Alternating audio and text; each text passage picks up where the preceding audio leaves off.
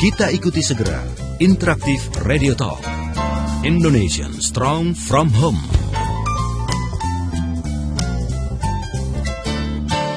Indonesian Strong from Home bersama Ayah Edi, praktisi multiple intelligence dan holistic learning. Selamat mengikuti.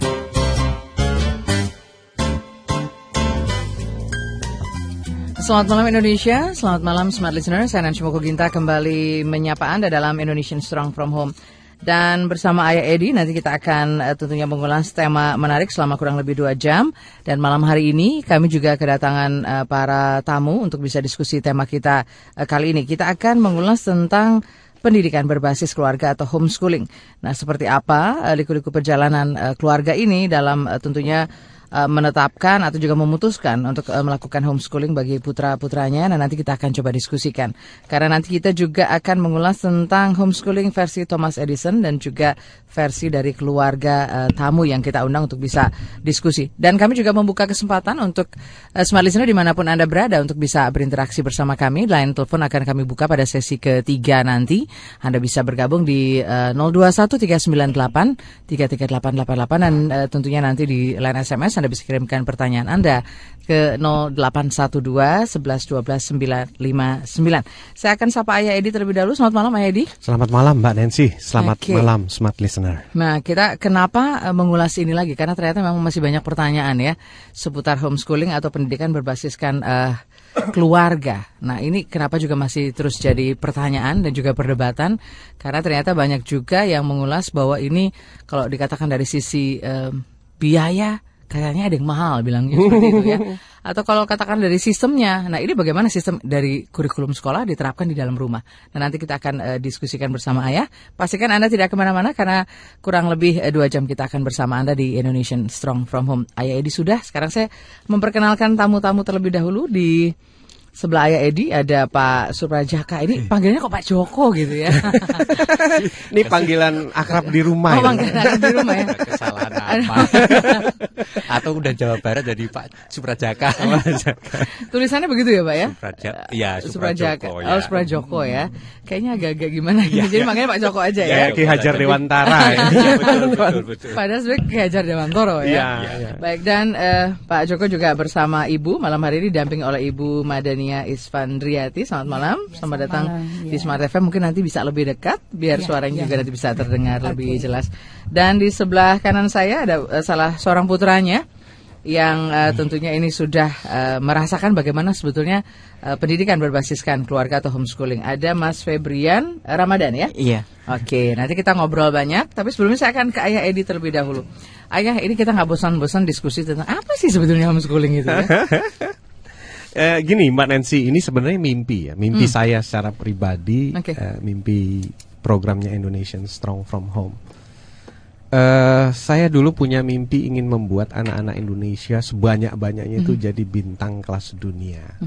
Nah, eh, saya sudah melakukan itu sejak 9 tahun yang lalu. Nah, sayangnya bintang-bintang ini jarang yang ada di Indonesia sekarang. Oke. Jadi untuk ketemu itu arrangementnya perlu enam bulan, tiga bulan gitu. Nah ini mumpung belum eh, keluar negeri, gitu. jadi saya bajak dulu gitu. Masih ada di Indonesia gitu ya. Iya, nanti kalau sudah kehilangan jejak itu udah sulit sekali ya. Yang di Pekanbaru, yang di Semarang, yang di Jakarta itu rata-rata sudah sudah tiga perempat jalan menuju bintang dan untuk ketemu sang bintang tentunya makin hari makin susah gitu. Ya, masih waktunya ya segala macam. Iya, ini. iya. Jadi Kita sebelum jadi bintang lebih baik kita baca dulu. Nanti kalau kalau sudah jadi bintang eh, susah sekali. Nah ini ini salah satu mimpi saya sebenarnya untuk menghadirkan Mas Rian ini udah udah lama banget ya, Mbak Joko ya. Jadi arrangementnya juga ini lama dan hari ini adalah hari penantian sebenarnya. Mudah-mudahan Terjawab gitu Iya ya. terjawab. Mudah-mudahan nanti kita bisa share sebanyak-banyaknya. Nah eh, karena rata-rata para bintang kita itu eh, mengambil jalan homeschooling eh, untuk bisa menjadi bintang, makanya tema yang kita ambil pun homeschooling. Kemudian eh, kenapa homeschooling juga? Karena homeschooling ini di luar ini masih simpang siur informasinya, yang mahal, yang susah, yang tidak terakreditasi, yang tidak punya masa depan, yang katanya hanya untuk anak-anak bermasalah. Nah kita di sini ingin berbagi, meluruskan. Supaya kita semua bisa tercerahkan dan mudah-mudahan lebih banyak Indo- anak Indonesia yang jadi bintang nanti. Oke, nah ayah kalau tadi ayah sudah jelaskan uh, sekilas, nah ini mungkin bisa cerita dari sejarahnya ya pada awal abad 19. Nah, ini kan sebelum uh, Thomas juga ada Socrates sebetulnya. Nah ini Ya. boleh dikisahkan bagaimana sih sebetulnya uh, mereka menempuh pendidikan berbasiskan uh, keluarga ini?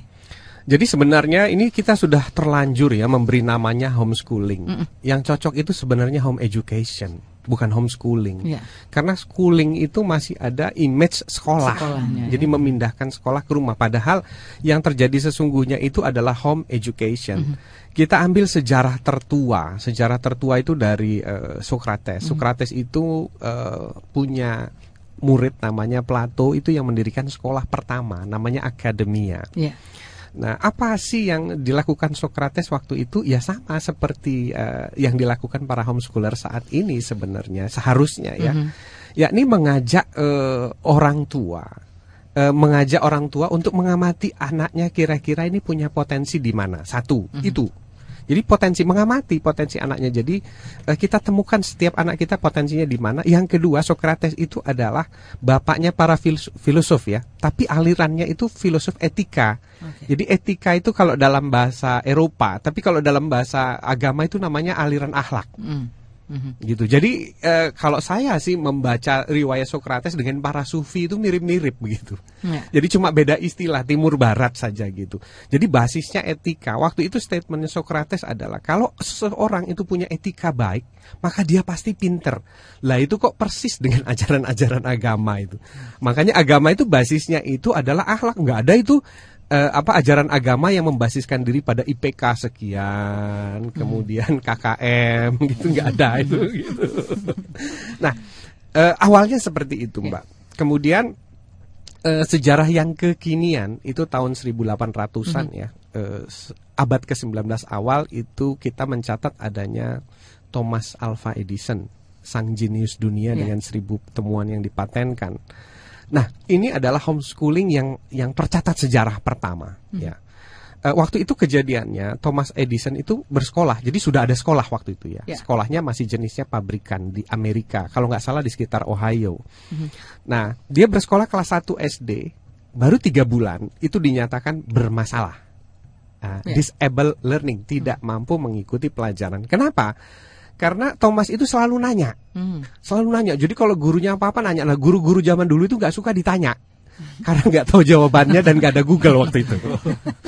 Belum ada sarana yang bisa melengkapi ya. Iya, dia itu selalu kritis anaknya. Terus yang kedua, kalau misalnya dia nanya nggak ditanggapi, dia ngelamun. Hmm. Nah itu eh, Mencari catatan jawaban sejarah. sendiri. Iya pokoknya ngelamun lah ngelihat ke jendela ke mana gitu. Pokoknya keluar keluar gitu. Wah. Nah ngelamun aja pokoknya ngelamun gitu. Terus nah dari ngelamun itu dia buat oret-oretan gambar. Wah gitu. Urutannya ya makanya prosesnya itu kok ya bisa sama. Makanya saya saya mengajak apa namanya bangsa Indonesia itu untuk belajar sejarah karena di luar negeri itu pelajaran nomor satu yang dikedepankan itu sejarah karena sejarah itu otentik mbak. Ya. Jadi sejarahnya Thomas itu akan bisa mempelajari tipe-tipe anak bahwa ini sebenarnya nggak bermasalah, ini calon jenius dunia gitu.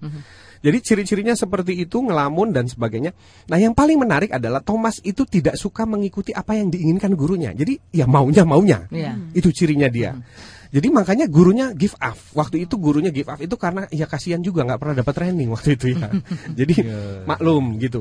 Akhirnya give up yang disalahkan itu anaknya. Hmm, Jadi, dikatakan dinyatakan bermasalah bermasalah, gitu. tidak mampu mengikuti sekolah, akhirnya dikeluarkan. Oke, ayah nanti kita akan lanjutkan lagi supaya diskusi kita ini nggak bermasalah ya. kita mesti berbagi waktu nih karena ada beberapa iklan yang akan lewat dan yang pasti kita masih akan diskusi dengan Ayah Edi dan juga eh, tamu-tamu saya ada Pak Joko dan juga Bu Joko dan juga putra beliau ada Febrian dan satu lagi sebenarnya ada di sini ya, Ya. tapi dapat tugas lain gitu, tidak untuk diwawancara. Jangan ke mana-mana, listener, kami akan segera kembali. Kita kembali untuk Anda listener dan kita masih mengulas tentang eh, homeschooling versi Thomas Edison dan juga versi tamu kita keluarga Pak Joko. Nah, Anda juga eh, boleh diskusi tentang homeschooling kalaupun Anda masih eh, banyak pertanyaan atau juga mungkin Anda ingin mendiskusikan eh, bagaimana Pak Joko mengambil keputusan ini bersama Ibu. Tentunya ini akan jadi eh, tentunya perbincangan yang menarik dan yang pasti tadi bahwa disampaikan oleh Ayah bahwa kalau kita bicara soal eh, bagaimana sejarahnya ini sudah dimulai dari abad 19 awal ya Ayah dan itu juga banyak eh, mungkin ketidaktahuan kita tentang homeschooling ini jadi akhirnya eh, salah kaprah begitu bahwa ini mahal lalu bagaimana nanti sistemnya atau kurikulumnya nah apakah ini juga bisa begitu? Apakah mungkin berbeda? Dan nanti eh, kita ajak Anda untuk bisa diskusi di line telepon maupun di line SMS Sebelum saya lanjut lagi dengan ayah, saya juga jadi ingin ngobrol dengan Pak Joko juga ya, dengan eh, Ibu. Kita ingin tahu, tentunya ingin tahu bagaimana motivasi beliau melihat uh, putra putranya sehingga akhirnya memutuskan untuk uh, memilih uh, ini pendidikan berbasiskan keluarga ini. Silakan Pak Joko. Aduh, terima kasih. Pengalamannya ini kan pasti berharga untuk bisa jadi inspirasi. Ini saya terima kasih pada Ayah Edi ini. Saya bisa di kami dibawa ke Smart FM sangat luar biasa sekali Dia kesempatan yang tidak ada duanya bagi keluarga. Iya. Eh, sesungguhnya hanya sederhana waktu itu. Kami bingung karena Oh sempat bingung juga ya, ya, bingung Pak ya. juga karena kami itu sempat setiap malam melihat eh, rapot, melihat ijazah itu anak kami tidak ada masalah nilainya bagus semua. Tiba-tiba ada problem di Ya. sekolahan. Ketemu Ayah Edi, diskusi panjang lebar lah udah. Ada Pro- problemnya apa waktu itu? ya problemnya karena di sekolahan kok anak setiap mau berangkat sekolah bilang punggungnya pegel. Oh ada ada Oh, aja alasannya oh, gitu ya Pak ya. Pegel, nggak bisa sekolah sampai ke tukang pijit juga masih pegel. Aduh, Ini ada masalah apa? Sampai akhirnya mau Cuma punggung aja nggak perut ya? ya ada perut ada punggung.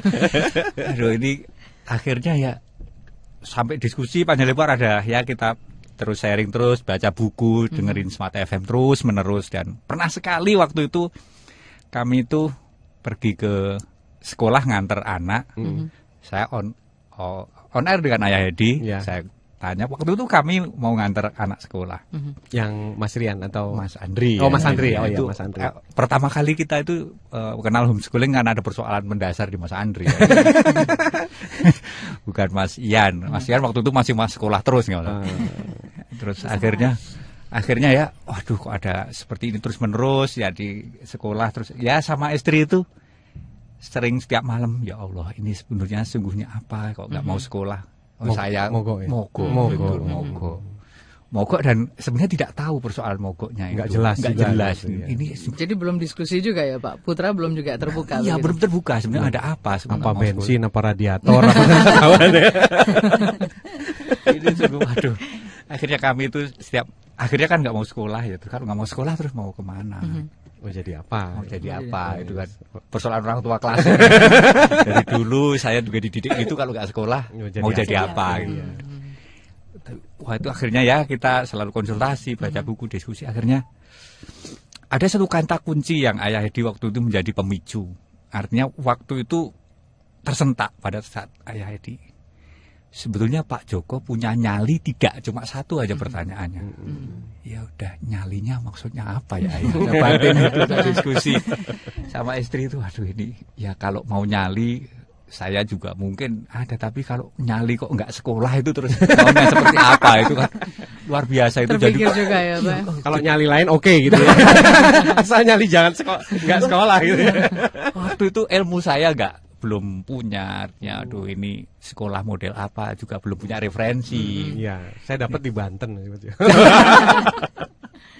itu jadi akhirnya ya mulai mulailah dengan eh, kami diskusi terus Menggali informasi masih banyak semua, begitu ya terus akhirnya eh, ya akhirnya kami terus memutuskan untuk salah satu anak kami langsung eh, tidak sekolah dan saya itu waktu menandatangani pengunduran diri itu sampai mau naruh pensil atau bolpen ke kertas yang bermatre mengatakan anak saya harus mengundurkan diri. Gemeter. gemeter kan tolong istri saya nulis saja nanti saya tinggal tanda tangan. Luar biasa bermetre lagi ayahnya. Iya, iya, Ini iya. kan iya. mengundurkan loh saya itu nggak mau mengundurkan diri Iya, mau tetap iya, sekolah. Dan itu waktu itu pilihan anak. Tapi rupanya memang setelah saya gali lebih jauh memang ada persoalan mendasar di sekolahan itu Iya, iya, iya. itu Kalau- terungkapnya lama jadi nggak nggak bisa loh sesungguhnya ada apa anak nggak mau cerita kan Hmm, Jadi mesti perlahan, gitu ya Perlahan, Pak, itu untuk, eh, lama. mencari informasinya Iya, ya. itu. Minatnya ke mana sih Pak?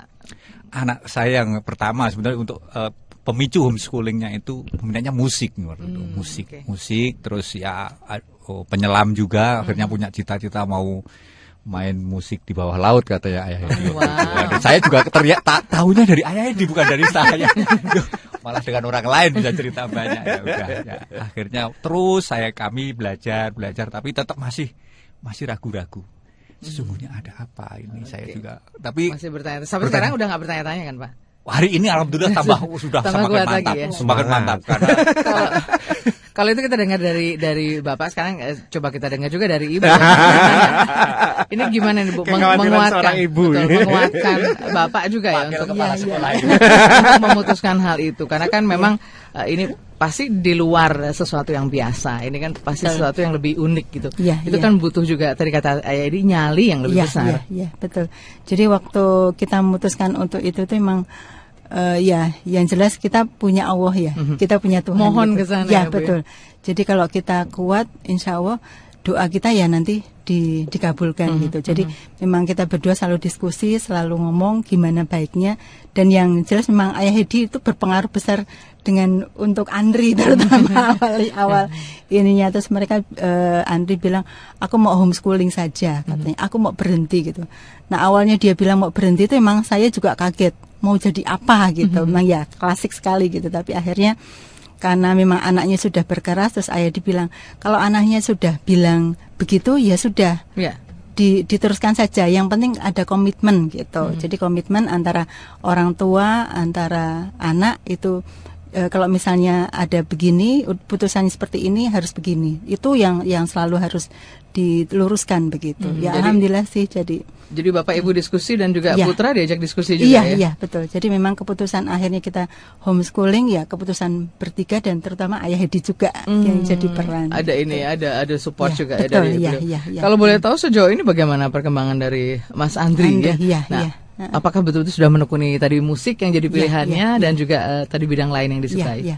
Awalnya memang waktu itu musik. Jadi Mhm. waktu kita akhirnya ikut ke Kindi Academy, eh, Kak Munas yang jadi ininya, itu eh, musik itu adalah bagian dia melepaskan penat gitu. Mhm, Jadi tapi karena memang dia ada kita lihat di sidik jari waktu itu kita tes memang ada ada di musik juga ada gitu. Mhm. Jadi eh, ada beberapa apa yang dominan Iya. terutama musik terus yang kedua dia natural ya ya Mhm. gitu jadi eh, sekarang sih eh, lebih dia ke biologi kelautan Mhm. gitu dia belajar selam terus kita apa namanya eh, kasih apa kayak privat gitu alhamdulillah Mhm. Jadi diberikan media dan betul sarana ya, yang begitu ya? ya, ha, dengan begitu kok dia cepet gitu.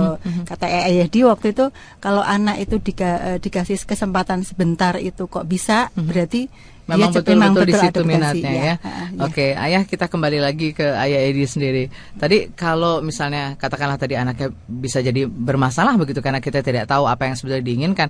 Nah jangan sampai orang tua juga jadi bermasalah ya karena nggak tahu ya solusi tepatnya seperti apa dan mungkin tadi uji nyali juga seperti itu. Nah ini bagaimana ya menyikapi hal ini sehingga itu tidak menjadi suatu masalah yang yang besar bahwa ternyata kita juga punya banyak solusi seperti itu.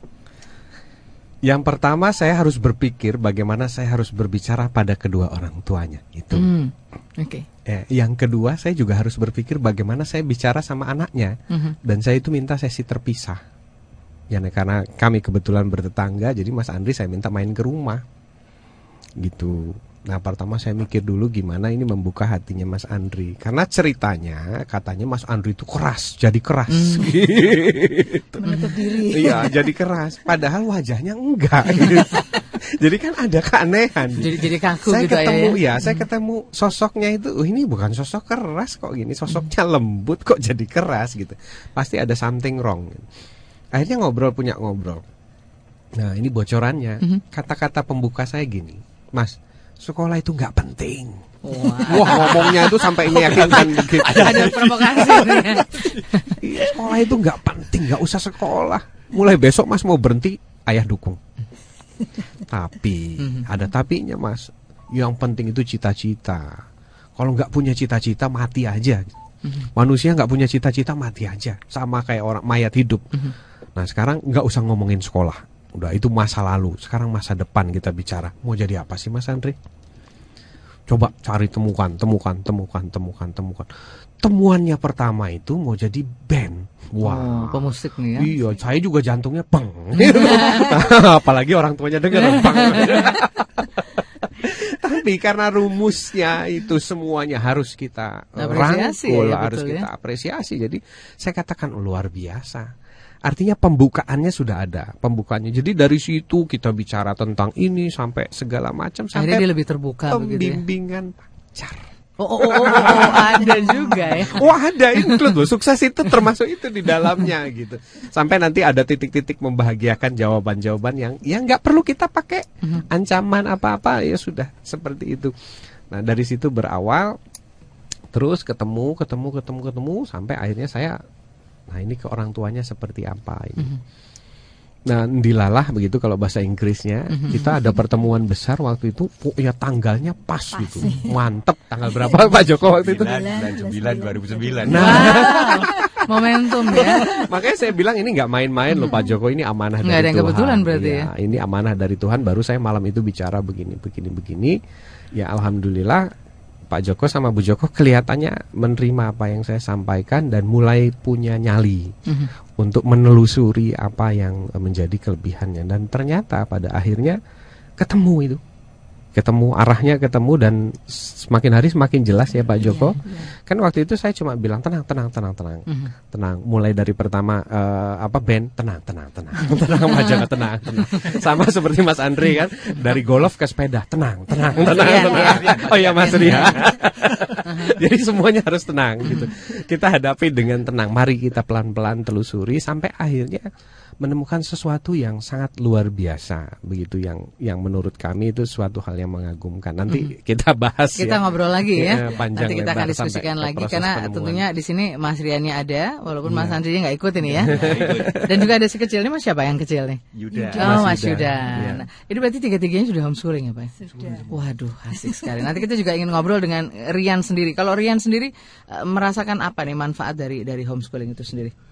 Seneng aja seneng Senengnya di mana? Apa karena mungkin belajarnya bisa di rumah, lebih eh, leluasa atau gimana? ya pokoknya yang diminatin itu Mm-mm. Seneng lebih Jadi bisa lebih eh, tersalurkan begitu ya. iya. Jadi bisa lebih diarahkan seperti itu ya. Oke, jangan malu-malu ngobrolnya ya. Biar nanti bisa jadi inspirasi banyak teman-teman Mas Rian di luar sana ya. Iya, kalau dibandingin sekolah rasanya gimana? tuh? beda Beda. Mas Rian sendiri sempat sekolah. Iya. Sekolah lalu eh, memutuskan untuk homeschooling. Ah, ah. Oke, berapa lama sekolah akhirnya eh, ikut jejaknya Mas Andri? tiga bulan ya Sekolahnya sampai tingkat SMP. apa ya? SM, oh SM SMA SD, SM, STM, STM. kelas Hmm. tiga. SMK ya. SMK, SMK bisa ya. Lalu memutuskan untuk ini ya program eh, pendidikan berbasiskan eh, keluarga. Nanti kita akan diskusi lagi tentang bagaimana sebetulnya eh, menyikapi tadi kan dari waktu ke waktu juga pasti kan ada eh, strategi atau action juga yang harus dilakukan ya ya. Eh, jangan ke mana-mana, kita masih mengulas tentang eh, homeschooling ini dan pastikan anda juga bisa diskusi untuk bisa nanti juga eh, bertanya dan berinteraksi bersama Pak Joko dan juga Bu Joko juga eh, Mas Rian dan Ayah Edi. Selepas beberapa pesan berikut ini. Kita kembali untuk Anda, listener, dan terima kasih waktu Anda eh, masih berinteraksi bersama kami karena line telepon maupun eh, SMS juga masih kami buka untuk diskusi kita eh, malam ini tentang homeschooling Thomas Edison dan juga homeschooling eh, versi keluarga Pak Joko ya yang jadi eh, tamu kita malam hari ini. Dan Anda juga bisa bergabung di line telepon 021398338888 sudah kami buka dan SMS juga terima kasih sudah banyak sekali juga yang ingin eh, diskusi dengan kita. Ayah kalau kita bicara tadi tentang latar belakang lalu juga sejarah dari homeschooling itu sendiri, em, kenapa sih mesti harus ada eh, apa namanya sebuah pernyataan bahwa itu sekolahnya anak-anak bermasalah? Padahal sebetulnya di situ mencetak anak-anak yang luar biasa katakanlah tadi seperti Thomas Alva Edison salah satunya dan yang di sebelah kanan saya bakal nanti jadi bintang berikutnya nih ya. ya, ya. Insya Allah. Kalau gitu saya udah pesen dari sekarang deh motornya ya.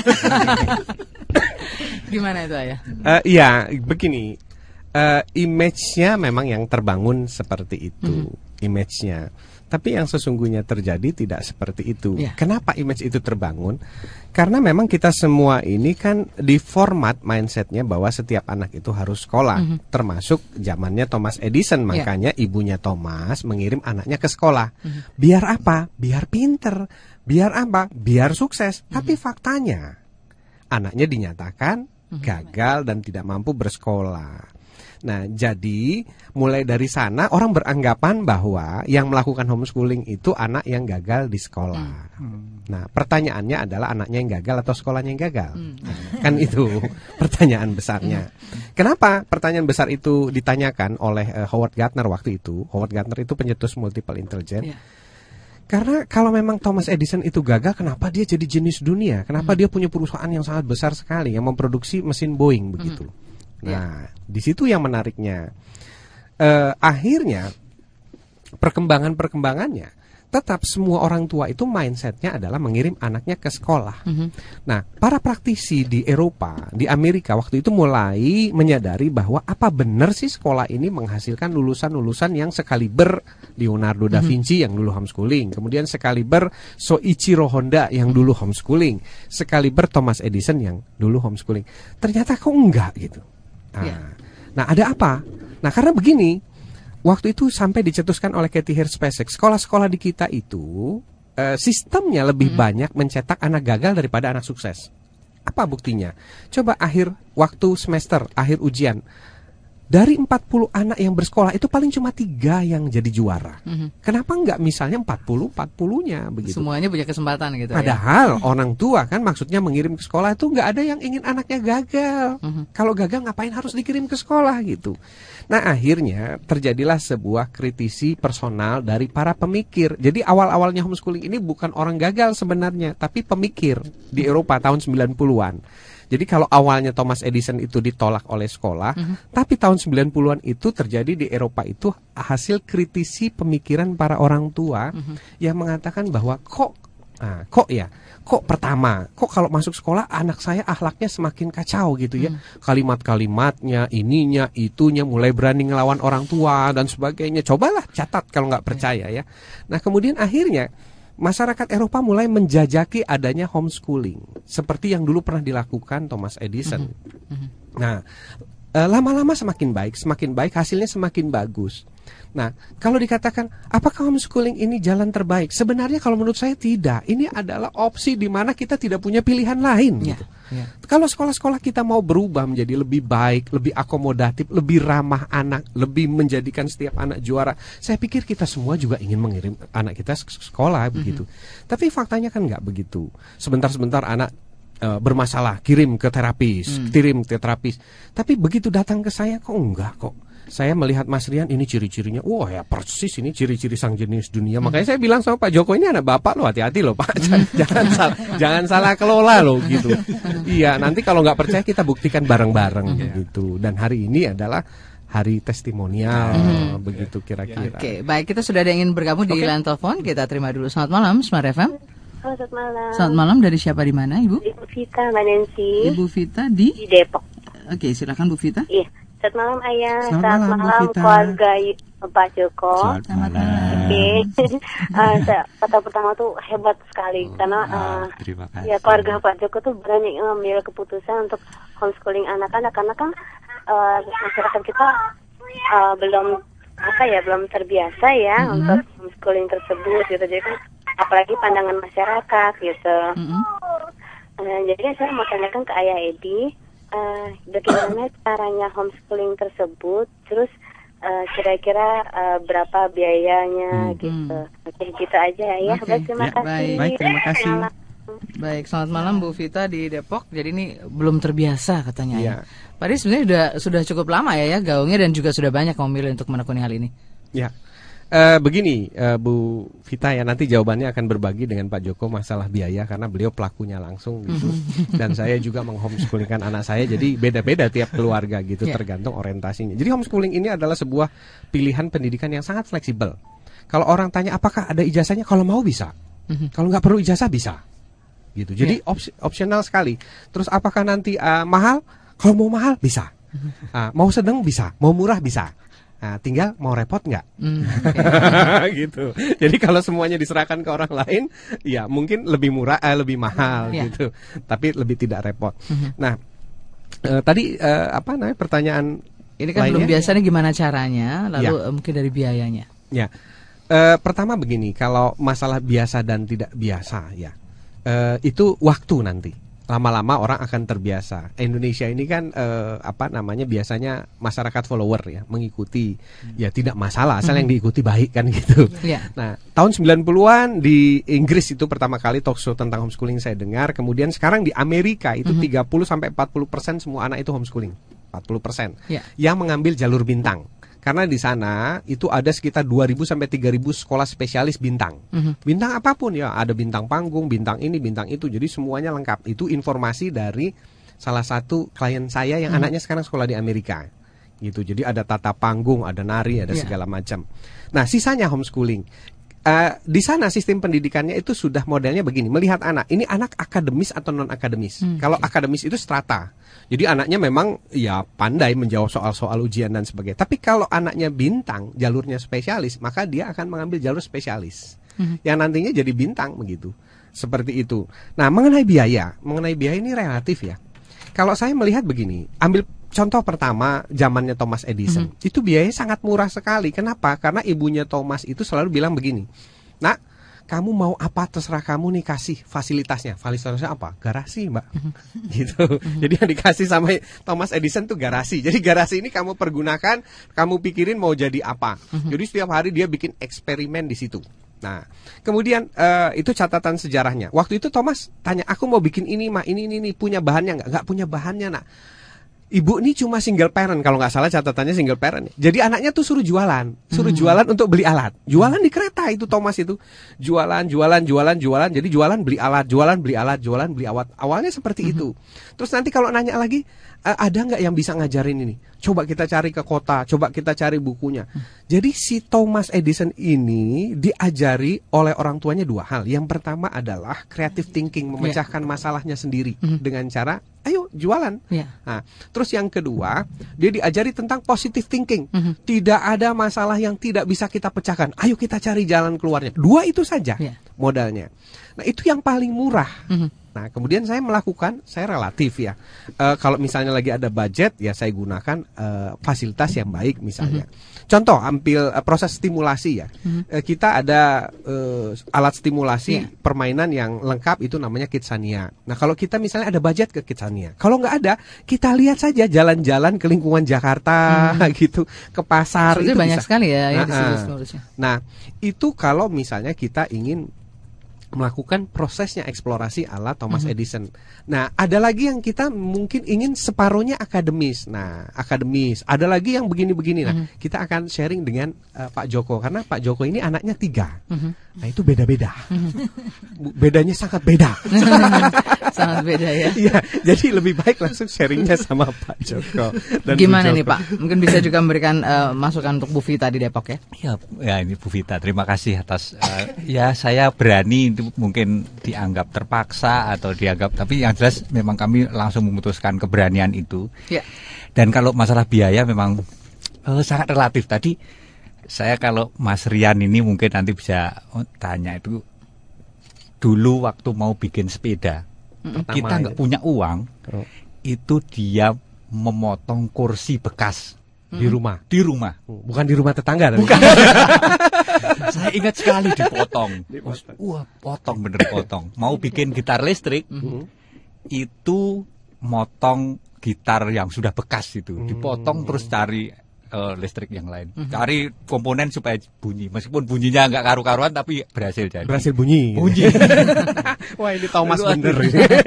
Terus terakhir nggak punya apa-apa, dia langsung belinya ke tempat kalau nggak salah di tempat mana mas? Yang rongsokan itu Ah, ah, yang Di- di, atas itu ya.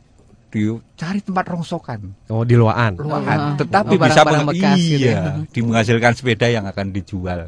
Oh. Nah, itu dan ya itu nah, kalau di itu ada kegiatan seperti itu dan menghasilkan sesuatu kok eh, tidak diterima di sekolah yang eh, Unggulan. unggulan. Nah, saya juga bingung kan. Jadi Bu Vita kalau masalah eh, apa eh, masalah tidak biasa, saya itu pesannya Ayah Hedi cuman tolong diamati, dicatat.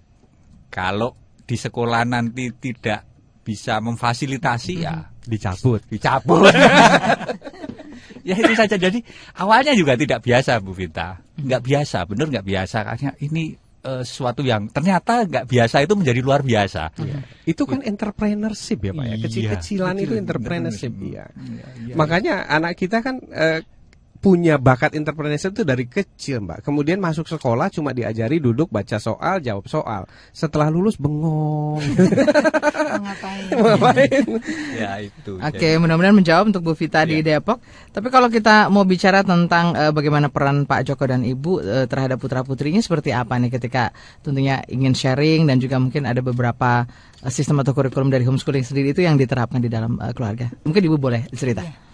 Eh, kalau kurikulum itu eh, kita lihat eh, amati dulu anak itu minatnya di mana. Oke. Setelah minatnya di mana, baru eh, minat di mana, kemudian akhirnya itu kepengen jadi apa, Mhm, gitu. Setelah itu baru kita cari kursus yang mendukung. Oh, sarananya ya. Ya, ya, heeh. itu aja sih sebenarnya intinya. Setelah itu anak eh, yang jelas kan mereka udah senang Hmm. dengan apa pilihan mereka. Ya yang jelas memang diskusi. Setiap kali mereka ada apa diskusi, setiap kali ada apa diskusi. Jadi pendidikan akhirnya seru gitu loh. Jadi nggak cuman kalau di sekolah kan cuman pulang sekolah selesai udah PR gitu ya, PR udah. Kita juga kadang-kadang udah nggak kepikiran lagi PR-nya ada enggak ini udah enggak ini. Jadi lebih seru kalau saya bilang sih. Oke, nah kalau Mas Rian sendiri merasakan keseruannya seperti apa sih diskusinya, lalu juga mungkin eh, tadi setiap saat eh, melakukan sesuatu atau bentuk kreativitasnya seperti apa tuh? Boleh cerita nggak? Ya gimana? Ya. Ini kalau- waktu bikin apa itu? Iya, ini kalau engineer diminta cerita begini. Bingung. Kalau gitu nanti humasnya saya ya. jadi, jadi kalau untuk memancing aja nanti. Jadi eh, Mas Rian itu waktu masih sekolah biasa itu memang nggak pernah nyeritakan hasil karyanya. Tapi pada saat dia berada di rumah menghasilkan sesuatu, hasil bongkar sepeda, hasil eh, bongkar motor, itu pulang dari ayah ayahnya pulang, Iya. saya itu pulang ke kantor, itu langsung ditunjukkan. Ini loh hasil karyaku hari ini tadi, ditunjukkan Langsung semua. pameran ini ya, pameran langsung ya. Nah kalau waktu di sekolah pameran PR juga nggak pernah. Kalau Apa di- PR? kalau gitu di rumah ngapain aja sih Mas Rian? Coba. Menemukan apa saja sih? Bongkar-bongkar. Oh bongkar-bongkar. Bongkar ini pasang. ini bisa bongkar tapi bisa pasang lagi dong ya. ini apa yang yang sudah eh, Mas Rian mungkin hasilkan ya sejauh ini yang paling eh, tentunya ini berkesan dan ini tentunya memacu Mas Rian untuk lebih lagi. Sepeda. Oh sepeda. Heeh. Tapi pasti sepedanya unik atau sepeda seperti sepeda biasa atau mungkin ada ada spesifikasi sendiri yang khasnya Mas Rian sendiri. Ya kayak sepeda sepeda rider mm-mm. yang dia lebih unik sih. Oh lebih unik. Uniknya di mana? Keunikannya? Soalnya stangnya tinggi gitu. Oke, heeh. Terus joknya panjang. Mm-mm. Terus apa dudukan depan rodanya itu lebih maju. Apa sih yang ada di pikirannya Mas Rian eh, waktu menciptakan ini ya? Pasti kan ada manfaatnya kenapa stangnya harus tinggi, lalu mungkin eh, dudukannya harus panjang seperti itu. Itu ngikutin gaya-gaya Amerika sih. Oh wow, gaya-gaya dari Ya, Amerika ya. ini yang menarik ya. Ini yang menarik. Eh, makanya eh, yang saya lakukan dalam proses talkshow bicara sama orang tua itu revolusi mindset. Jadi eh, waktu pertama kali Mas Rian berkutat sama sepeda, oh, itu sampai malam ya, oh, sampai tengah malam, bongkar pasang, bongkar pasang. Nah eh, awalnya Pak Joko sama Bu Joko sepeda. Sepedanya beda banget ya, ya gitu ya. Ini saya masih ingat gitu nafas sepedanya tuh masih kuat gitu. Nah, langsung saya mindsetnya tuh saya alihkan ke Harley Davidson. Saya katakan Harley Davidson ini dulunya juga motor, gitu. Tapi dia bisa mengembangkan menjadi sebuah branded, Betul. gitu. Kenapa ini terjadi? Karena lingkungannya itu mendukung dia untuk menjadikan ini sebuah branded dan sampai sekarang branded. Membangun dan mengembangkan kreativitasnya ya, ya Iya. itu menjadi Nah, sesuatu. saya katakan, Mas Rian, ini basisnya sepeda, jadi jangan nanti dilihat akhirnya sepeda. Karena Soichiro dulu mulainya juga dari sepeda, Hmm, betul. gitu. Tapi akhirnya sekarang jadi Acura, mobil balap.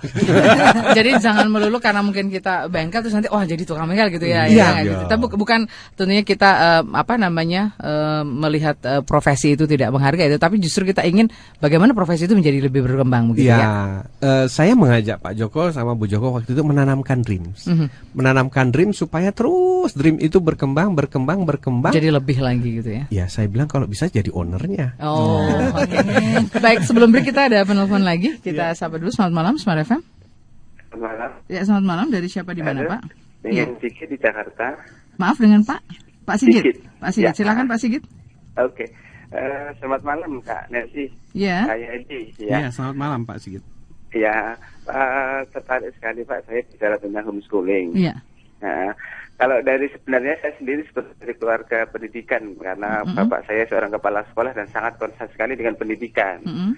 Tapi ngelihat dari perkembangan sekarang tuh hasil pendidikan zaman sekarang kayaknya juga sudah sudah tidak menjanjikan lagi. Jadi saya sedikit mulai ngeh, mulai melek dengan homeschooling saya. Oke. Nah, eh, kalau misalkan eh, homeschooling, saya hanya ingin tanya kalau ke putra putranya ayah Edi sendiri kalau homeschoolingnya dalam bentuk seperti apa? Oh. Wah, mantap. Bentuknya seperti apa ya, Pak Sigit? Ya. Baik, itu saja. Ya, terima kasih Pak Sigit jawabannya. Tentunya harap bersabar ya karena kita akan berikan selepas beberapa pesan berikut ini. Baik, kita kembali untuk Anda dan tadi juga punya PR dari Pak Sigit eh, bagaimana sih sebetulnya eh, ingin tahu ya homeschooling yang diterapkan di keluarga ayah sendiri. Ya pertama begini eh, sebelum saya jawab ya. Eh, kalau bapak tadi mengatakan bahwa bapak dari keluarga pendidikan, ini Pak Joko ini keluarga sangat pendidikan loh pak. ini sekolahnya tinggi sekali loh pak. Ya kemudian juga kalau nggak salah beliau ini dosen ya Pak Joko. Dosen. Eh, jadi sebenarnya pasca Thomas Edison itu yang menghomeschoolingkan anak itu rata-rata orang-orang yang pendidikannya tinggi. Ya. Nah, yang kebetulan saya undang ini Pak Joko Jakarta. Nah, ini ada Pak Joko Jogja. Nah, itu dosen pasca sarjana di UGM. Namanya Pak Joko. Saya punya eh, videonya itu. Nah, itu dosen kimia di UGM. Lima-lima anaknya itu di homeschoolingkan dan menghasilkan chip-chip eh, untuk kedokteran itu dipatenkan di Jerman. Ya. Kerjanya di rumah itu saya punya videonya itu. Pernah ditayangkan ya. pernah ditayangkan. Kalau nggak salah di acara kumpul-kumpul kita pernah ditayangkan yang Iya, Pak iya, Joko betul, Jogja iya, itu. iya. itu PhD PhD-nya dua di Belanda satu di Jerman satu. Nah jadi justru yang memikirkan ini justru sekarang masyarakat masyarakat yang berpendidikan gitu. Yang dulunya pernah mengenyam pendidikan loh kok anak saya sekarang dinyatakan bermasalah di pendidikan gitu. Nah kalau faktor genetik kan jelas enggak gitu karena orang tuanya berpendidikan. Nah kemudian kalau saya ditanya bagaimana sih saya eh, menghomeschoolingkan anak saya, saya sih eh, sederhana ya Mbak Nancy. Saya melihat apa yang pernah dilakukan oleh Nancy Elliot zamannya Thomas Edison. Itu sangat sederhana sekali. Yang pertama dilakukan oleh Nancy Elliot dengan segala keluguannya seorang ibu biasa single parent. Itu cuma bilang sama anaknya, "Nak, kamu lakukan apa yang kamu sukai, nak. Apa yang kamu inginkan, nak. Mhm. Satu itu. Makanya Thomas itu diberikan kebebasan, diberikan fasilitas ya garasi tadi itu untuk melakukan apa yang dia sukai. Nah kemudian habis begitu, ayo kita kembangkan apa yang kamu sukai itu supaya berprospek. Jadi ada prospek. Gitu. Jadi tidak hanya mengerjakan sesuatu yang biasa-biasa saja, ada prospek. Nah, salah satu prospeknya itu finansial tadi. Nah, eh, kemudian apa yang dilakukan lagi adalah dia selalu positive thinking. Ya. Positive thinking. Dia tidak pernah mengajarkan eh, anaknya itu masalah itu semua itu bisa di- dipecahkan begitu. Nah, itu yang saya lakukan sama anak saya, memperkenalkan segala macam profesi, membolehkan dia melakukan apa saja yang dia sukai, Ya. dan yang satu yang paling penting dari segalanya adalah menjaga akhlaknya. Akhlak versi keluarga masing-masing ya. Karena kalau akhlak itu tidak bisa digeneralisasi. Setiap keluarga dengan kepercayaannya masing-masing punya standarisasi, tapi ada standar universal akhlak itu. Nah, saya melihat bahwa eh, seorang Thomas Edison itu sangat terjaga eh, kalau kita sebut etika moralnya, etika moralnya sama positive thinkingnya. Jadi waktu misalnya saja ya, waktu usia 50 tahun dia punya pabriknya itu terbakar, Mbak. 50 tahun loh. Punya usahanya terbakar, pabriknya terbakar. Padahal dia bisa panggil 911 waktu itu. Hmm. Emang udah ada ya? Udah. Udah ada ya. Tapi apa yang terjadi mungkin namanya belum 911 ya. Tapi apa yang terjadi? Dia bilang sama anaknya, "Nak, nak, nak, tolong bangunin mami, nak. Tolong bangunin mami." Mami bilang, "Pengen lihat kembang api yang paling besar nggak?" gitu. Jadi itu yang diucapkan. Terus begitu maminya ngelihat, kok kamu nggak panggil eh, apa pemadam kebakaran? Terus jawab Thomas begini, biarlah semua kesalahan kita terbakar di masa lalu dan mari kita bangun yang baru. Bayangkan lo usia 50 tahun dan dengan positive thinkingnya itu pabriknya terbangun menjadi besar sekali begitu Mbak Nancy. Jadi kalau kita berpikir tentang homeschooling itu nggak usah pikir yang ruwet-ruwet memindahkan kurikulum semua pelajaran ke rumah itu sama saja gitu seperti sekolah pindah ke rumah. Jadi yang penting itu kayak seperti Mas Rian kemudian Mas Andre waktu itu fokus kita adalah ayo kita temukan apa yang dia minati kemudian telusuri terus kembangkan perspeknya ke arah mana. Sampai nanti eh, si anak itu akan menentukan aku akan sekolah di sini atau aku akan menjadi ini, menjadi itu, kita cari jalannya seperti Bu Joko tadi. Sampai satu ketika tanpa disadari ya, kalau nggak salah nih dulu Bu Joko selalu pesannya anak, kok kamu nggak pernah belajar. Nah belakangan ini bunyinya lain, kok kamu nggak pernah tidur. Nggak berhenti berhenti gitu ya. Nggak berhenti belajar terus ya. ya belajar terus. Jadi sebenarnya awalnya kita melakukan kesederhanaan mengamati arah anak kita sampai kita tahu apakah nanti jalurnya itu ke jalur bintang atau ke jalur akademis. Nah, sayangnya sistem kita ini kan tidak memfokuskan dia kepada profesi ahlinya nanti. Ambil contoh begini. Anak SD itu sekarang kalau nggak salah 14 mata pelajaran. Kemudian SMP itu 16 mata pelajaran. Mungkin SMA sekitar sekian saya nggak tahu. Nggak jelas nanti jadi apa itu kalau 16 mata pelajaran. Padahal kayak Mas Andri nanti mungkin suatu saat kita akan tosokan sebelum beliau berangkat ke satu tempat tertentu. Padahal sekolah tempat di mana dia nanti akan menjadi seseorang itu hanya meminta mungkin nggak lebih dari empat hal. Misalnya satu bahasa, Enggak. bahasa Jepang misalnya. Terus satu lagi mungkin kimia, satu lagi fisika, satu lagi selam. Nah kalau dari awal kita sudah tahu bahwa kebutuhan akhirnya itu akhirnya fokus dari ketua orang tuanya dalam menghomeschoolingkan anaknya ya me- me- apa memfokuskan pada empat hal itu. pada hal itu. Ya bahkan dikasih bonus satu sama Mas Andri bahasa Inggris. Dan itu mempelajarinya kencengnya bukan main ya Pak Joko. Nggak usah pakai didorong-dorong. Malah Ya. sekarang disuruh berhenti berhenti. Karena saking rajinnya ya. Ya, jadi hanya melalui homeschooling akhirnya kita bisa memahami tujuan akhir anak, terus kita bisa mem- memetakan ini yang penting-penting apa nak, gitu. Jadi nggak semuanya harus dipelajari. Misalnya kalau anak SD itu mempelajari tugas-tugas camat, tugas-tugas lurah. Lo sekarang iya loh, betul ya? Empat, iya. Kelas empat kan? Iya. Iya, lawang camatnya aja belum tentu tahu. Jadi eh, kita punya keleluasaan di sini untuk melihat eh, potensi yang terpendam di anak kita sama apa sih demand dari tujuan akhirnya gitu ya, mimpinya. Seperti itu kira-kira Mbak Oke, Nancy. dan ini tujuan akhir kita adalah nanti menyelesaikannya sampai dengan pukul uh, 22. Jadi jangan ke mana-mana. Kita sudah selesai satu jam, tapi satu jam lagi masih ada. Dan yang pasti ada satu informasi menarik untuk Anda bahwa AID akan hadir di Tangerang ya, ya. Ya. Tepatnya uh, hari Minggu, tanggal 4 Maret 2012 dari jam uh, 13 sampai dengan 17 waktu Indonesia Barat. AID akan tampil di gedung PKK Nyimas Melati, samping Rumah Sakit Umum Tangerang.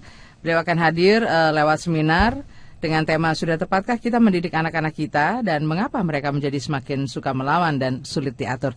Dan nanti akan didiskusikan di sana untuk Anda yang berminat dan ingin juga eh, bertemu ayah langsung silakan saja Anda bisa mendaftar eh, cukup dengan mengirim SMS dengan format ketik nama dan alamat peserta lalu Anda kirim ke 0815 10 10 1788 atau ke 0813 1679 7390. Dan ini eh, tiketnya sangat terjangkau ya, hanya 100 ribu rupiah.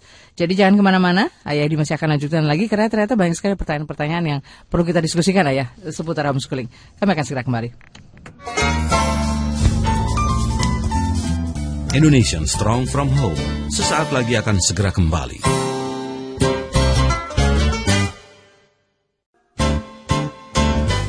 Masih Anda ikuti Indonesian Strong from Home bersama Ayah Edi, praktisi multiple intelligence dan holistic learning.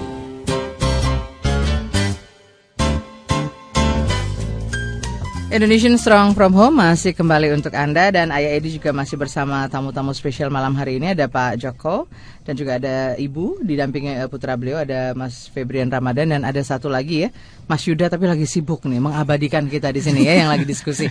Kita boleh eh, lanjut dengan beberapa pertanyaan ya ya sebelum nanti kita ngobrol juga dengan eh, Mas Rian. Kita ke pertanyaan dari eh, Pak eh, dari Putri di Probolinggo. Ya. Apakah homeschooling dilakukan ketika anak sudah nggak mau lagi di sekolah konvensional, ayah? Eh, kebanyakannya begitu. Hmm. Kebanyakannya begitu karena eh, orang itu perlu momentum atau pemicu eh, untuk menyadari ada something wrong. Oke. Ah, ah. Nah, eh, tapi kalau kita sudah mempelajari eh, dunia pendidikan ya perbandingan antara negara-negara seperti apa yang dikatakan Pak Renat Kasali Mhm. eh, bahwa di negara asing itu anak-anak cuma dikasih empat mata pelajaran, satunya pilihan berdasarkan eh, kesukaan mereka, tiganya itu supporting, Ya. jadi social, basic social, basic science, basic art. Jadi apa yang dia sukai itu dia harus memahami koneksitasnya sama sosial, Mhm. sama science, sama art. Ya, tiga hal itu. Jadi empat pelajaran. Nah, eh, kalau kita sudah eh, rajin ya, rajin eh, mengeksplorasi tentang perbandingan pendidikan yang yang eh, berbasiskan pada fitrah anak, maka tanpa ada masalah pun eh, melakukan proses homeschooling. Ya. Nah, kebetulan kebetulan beliau adalah orang yang cukup mampu. Jadi tidak menghomeschoolingkan anak tapi menyekolahkan anaknya di New Zealand. Ya, begitu. Eh, kita berharap juga pengennya begitu semua begitu, tapi tidak semua orang mungkin berpeng, eh, berkemampuan untuk melakukan hal yang sama dengan beliau. Jadi opsi apa yang bisa memberikan jalan keluar? Jadi opsinya mungkin kita akan mengadopsi pola-pola yang ada di luar negeri melalui proses homeschooling tadi karena di sana kan ada keleluasaan. Tapi kalau misalnya kita masih belum berani menghomeschooling kan ada jalan tengahnya misalnya melalui sekolah alam ya. Sekolah alam itu untuk yang idealis biasanya ujiannya tidak ikut UAN, dia ikut paket ABC. Jadi hariannya itu melakukan proses seperti homeschooling tapi tutorial Ya. ya. Jadi terus ada pembimbingannya. Jadi eh, sekali lagi ya terserah masing-masing. Saya itu melakukan homeschooling terhadap anak saya bukan karena anak saya bersekolah eh, bermasalah di sekolah. Karena sekolahnya juga kebetulan saya yang buat juga gitu. Hanya yang pertama adalah eh, banyak orang orang tua Indonesia yang mengharapkan sekolah-sekolah saya itu menyebar ke seluruh Indonesia, tapi ternyata tidak mudah membuat sekolah itu. Perlu ini, perlu itu dan sebagainya, investasinya agak mahal. Nah, yang paling memungkinkan untuk diduplikasi, dikembangkan secara cepat di seluruh Indonesia adalah model homeschooling. Itu jadi tidak memerlukan lahan, tidak memerlukan ini, tidak memerlukan itu, ada hanya memerlukan sebuah panduan, sebuah sistem, sebuah kerjasama. Nah, jadi kira-kira seperti itu. Jadi ya terserah pilihan masing-masing. Oke. Eh, ada yang menunggu datangnya masalah, nggak apa-apa itu pun nggak masalah itu itu kan sebenarnya eh, apa amanat dari Tuhan hanya hanya awalnya dari sana. Tapi untuk seperti Mas Yuda ini kan sudah tidak menunggu masalah lagi ya Pak Joko ya. Soalnya sudah belajar dari Sudah Mas belajar. Andri dan eh, Mas Rian ya. Iya, seperti itu kira-kira. Oke, semoga menjawab. Terima kasih eh, diskusinya dan sharingnya. Ini ke Pak Joko ada pertanyaan Ya. dari Pak Prasetyo di Manado. Nah, Pak, boleh tahu nggak profil FB-nya? Karena kebetulan saya juga ingin sharing tentang eh, homeschooling. Saya mengalami hal yang sama dengan Pak Joko. Anak saya ada tiga orang. Kalau saya bilang sih semuanya pinter-pinter ya, tapi Ya. paling males kalau disuruh ke sekolah. Nah, ini eh, mungkin nanti beliau ingin diskusi. Silakan Pak, boleh diberikan Ya. profilnya. Ya mungkin eh, terima kasih Pak Prasetyo. Saya kira eh, mungkin nasib kita sama ya tiga anak ya. Semoga aja kalau anaknya laki-laki semua ya sama dengan saya. Eh, di FB saya Suprajaka. Di FB ya, ya, Suprajaka. nanti diklik saya kira muncul nanti di sana. Eh, eh, ya bisa di kita bisa sharing lah nanti bisa eh, apa eh, bisa chatting di Diskusi FB ya, diskusi pengalaman ya ya. pengalaman bagaimana untuk memutuskan homeschooling. Saya kira eh, itu. Oke. eh, Lebih enak lihat Iya, FB ya. FB. Iya, iya, iya. Jadi Iya. Suprajaka tulisannya Suprajaka, ya. Ini, ini Pak mungkin bisa spellnya seperti apa biar nggak salah Eh, nanti di situ mungkin ada beberapa. oh, iya. antaranya. Uh-huh. Lengkap mungkin Pak. Suprajaka Mhm. Siswo Sudarmo ya, Iya. itu ayah saya itu sebetulnya. Karena beliaunya, eh, saya tertarik tadi bapak saya itu juga guru, Iya. guru kepala sekolah. Iya. Eh, Saya juga sekolah sampai ya, alhamdulillah saya sekolah cukup pucuk sampai pucuk. Hanya belum lulus. Sebentar lagi semoga Hampir lulus, lulus. ya, hampir lulus ya. Nah, kalau dibilang eh, tadi ada teman Pak Sigit ya tadi kalau nggak salah yang eh, ternyata keluarga sekolah saya kira sekarang ini ternyata bukan eh, sekolah lagi lebih baik belajar. Karena di undang-undang juga wajib belajar kata Ayah Hedi juga demikian. Nah mungkin sebaiknya sebelum jadi masalah mungkin putuskan sekolah. Kalau memang sekolah itu seperti homeschooling karena sebetulnya kalau sekolah itu homey Ya, anaknya itu senang senang, happy. happy di sekolahan senang. Kayak dulu itu waktu Iya. saya masih kecil itu kalau teman-teman sudah pada sekolah saya belum sekolah itu cuma bawa tas mundar mandir pengen sekolah. Nah sekarang kalau sekolah kok bikin masalah ya sebaiknya nggak sekolah tapi belajar Iya, nah, Kita punya pilihan gitu ya, pilihan Pak, ya sekira itu Oke, Pak Presiden nanti mudah-mudahan bisa langsung diskusi Langsung, lebih iya, banyak iya, iya, lagi di betul. FB beliau. Kita balik lagi ini pertanyaan eh, dari Bu Ratmi di Jatinegara. Nanti mungkin bisa dengar dari eh, Bu Joko nih ya. Um, Bu, saya pernah baca buku tentang kelemahan utama homeschooling. Itu katanya kurang komitmen orang tua. Apa benar demikian? Apa yang mempengaruhi komitmen itu? Nah, komitmen ayah dan ibu tentunya ya. Iya, Silahkan iya, Bu. iya. Kalau komitmen sebenarnya kita diskusi aja sih sama anaknya. Mhm. Jadi kalau eh, sa- memang saya sama ayah dan anak itu selalu ada papa cerita, ada Hmm. papa cerita. Diobrolin ya, gitu ya. diobrolin, diskusi. Kalau misalnya ada ada kayak gini eh, jalan keluarnya seperti apa. Mhm. Jadi selalu itu sih. Jadi insya Allah sih kalau kita udah komit, kalau udah dua tiga-tiganya udah nyambung, insya Allah sih nggak masalah. lah gitu. Hmm, jadi mungkin ada keterbukaan Betul, gitu iya, ya, iya. itu akan memudahkan kita ya Iya, untuk iya, bisa iya. Uh, berkomunikasi dan uh, mungkin punya komitmen bersama akhirnya Iya, ya. iya, betul. Baik, kita uh, lanjut lagi. Nah, ini nih, ini pasti tepatnya untuk Ayah pertanyaannya ya. Dari 02192661 dan seterusnya. Apa itu? Ayah Edi, sepertinya homeschooling itu kan cocok untuk uh, katakanlah bintang-bintang cilik yang super sibuk atau juga mungkin anak-anak yang malas dan sombong yang nggak bisa gaul, nggak cerdas. Rasanya yang sukses kan cuma sedikit. Nah, nanti pertanyaan berikutnya untuk Pak Joko nih. Pak Joko, apakah dengan memutuskan homeschooling ini sudah menyelesaikan masalah? Apa justru nanti akan menuai masalah baru? Yang pertama mungkin Ayah Edi dulu nanti ya. Silakan Ayah. Ya, waktu saya bertemu dengan komunitas-komunitas homeschooling, kita tidak bisa menampilkan bahwa memang ada komunitas yang bermasalah. Ada, ada. Jadi ada yang eh, membentuk homeschooling atau menyelenggarakan homeschooling itu karena orang tuanya bermasalah, anaknya bermasalah, sehingga tidak ada sekolah yang mau terima lagi. Akhirnya dia bikin homeschooling dan homeschoolingnya juga bermasalah. Ya. Eh, selalu ada ya dalam satu eh, komunitas, eh, satu negara, satu apa selalu ada deviasi ya Yes. seperti itu. Tapi mayoritas dari homeschooling yang saya apa kalau komunitas homeschooling eh, yang mandiri yang saya temukan di seluruh Indonesia itu setiap ngobrol sama saya itu sampai ya Tuhan, ayah, anak saya itu sekarang begitu akrab sama saya, begitu hormat, begitu respect. Jadi hampir tidak ada yang yang komentar negatif.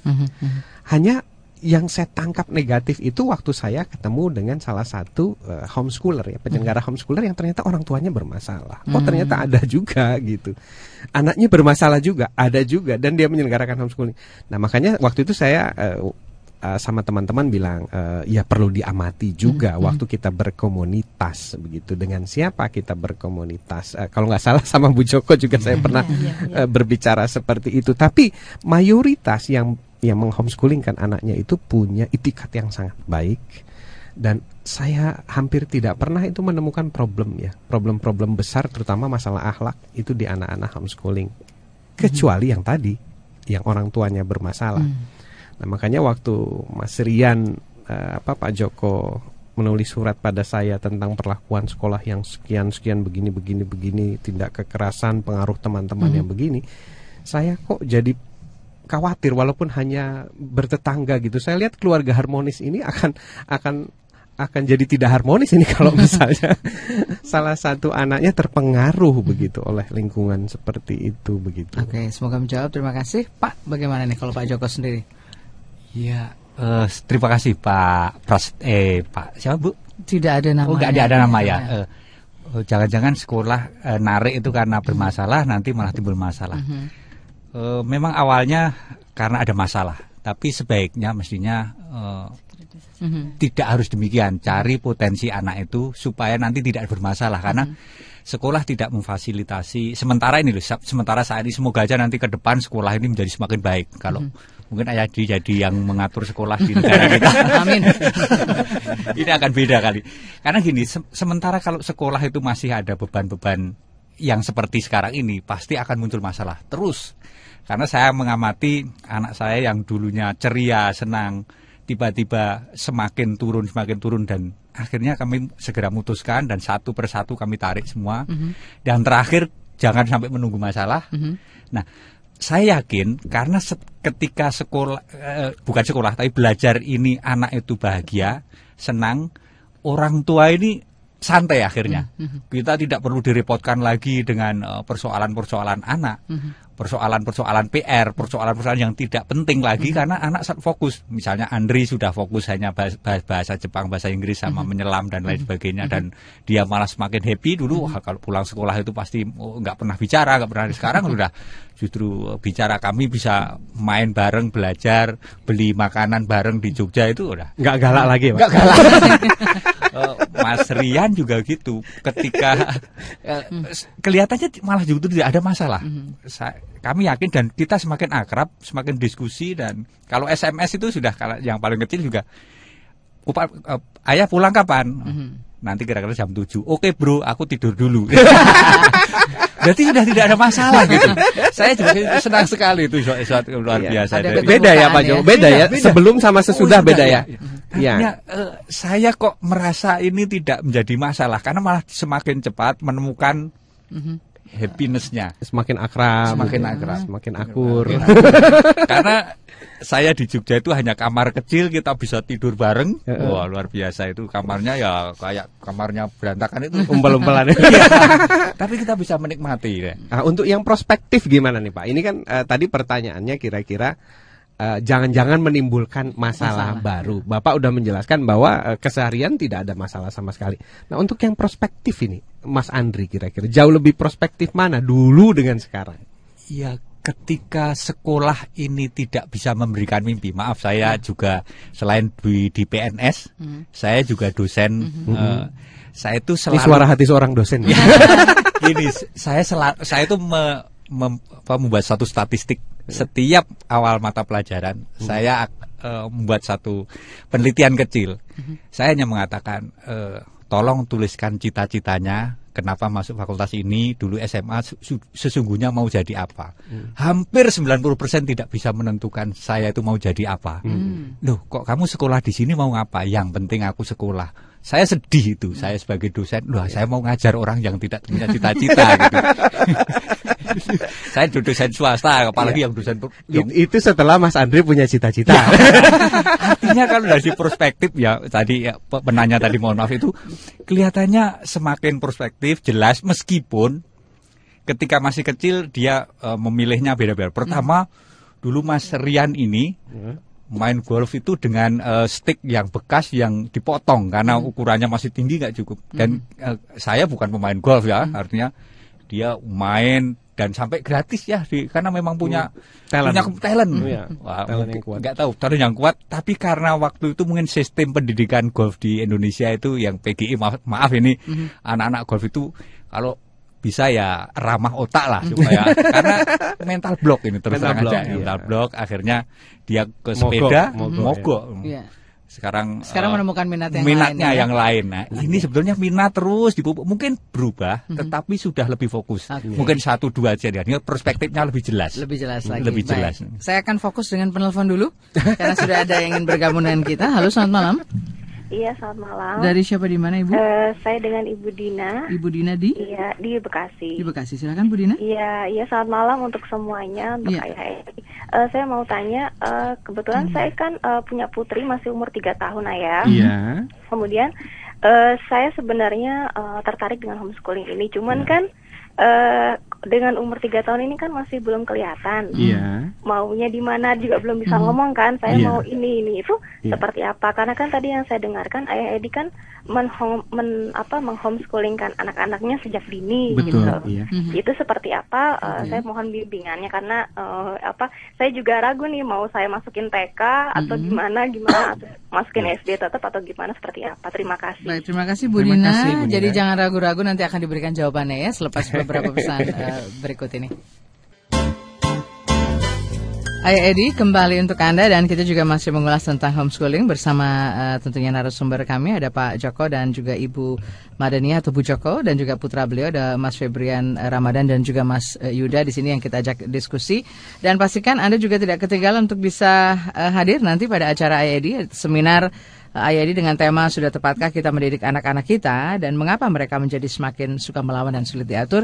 Ini akan dilaksanakan pada hari Minggu ini ya, ya tepatnya tanggal Ya. 4 Maret 2012 mulai eh, jam eh, 13 sampai dengan 17 waktu Indonesia Barat bertempat di gedung PKK Nyimas Melati samping RSU Tangerang dan Anda cukup dengan mendaftarkan diri mengirimkan SMS dengan format ketik nama dan alamat peserta dan Anda bisa kirimkan langsung ke 0815 10 10 1788 atau di 0813 1679 3 7390. Jadi di 0813 1679 7390 tiketnya hanya seharga Rp100.000 sangat terjangkau ya ya. Dan semoga banyak manfaatnya nanti. Kita ke Ayah dulu sebelum saya ngobrol lagi dengan Mas Rian. Tadi beliau ingin tahu bagaimana sebetulnya mungkin kita bisa eh, menggali potensi anak itu sejak dini sehingga nanti bisa menentukan em, kira-kira jalur mana nih yang eh, tepat untuk bisa eh, tentunya dari sisi pendidikannya ya. Ya, sebelum saya jawab Bu Dina, saya mohon izin nih Pak Joko.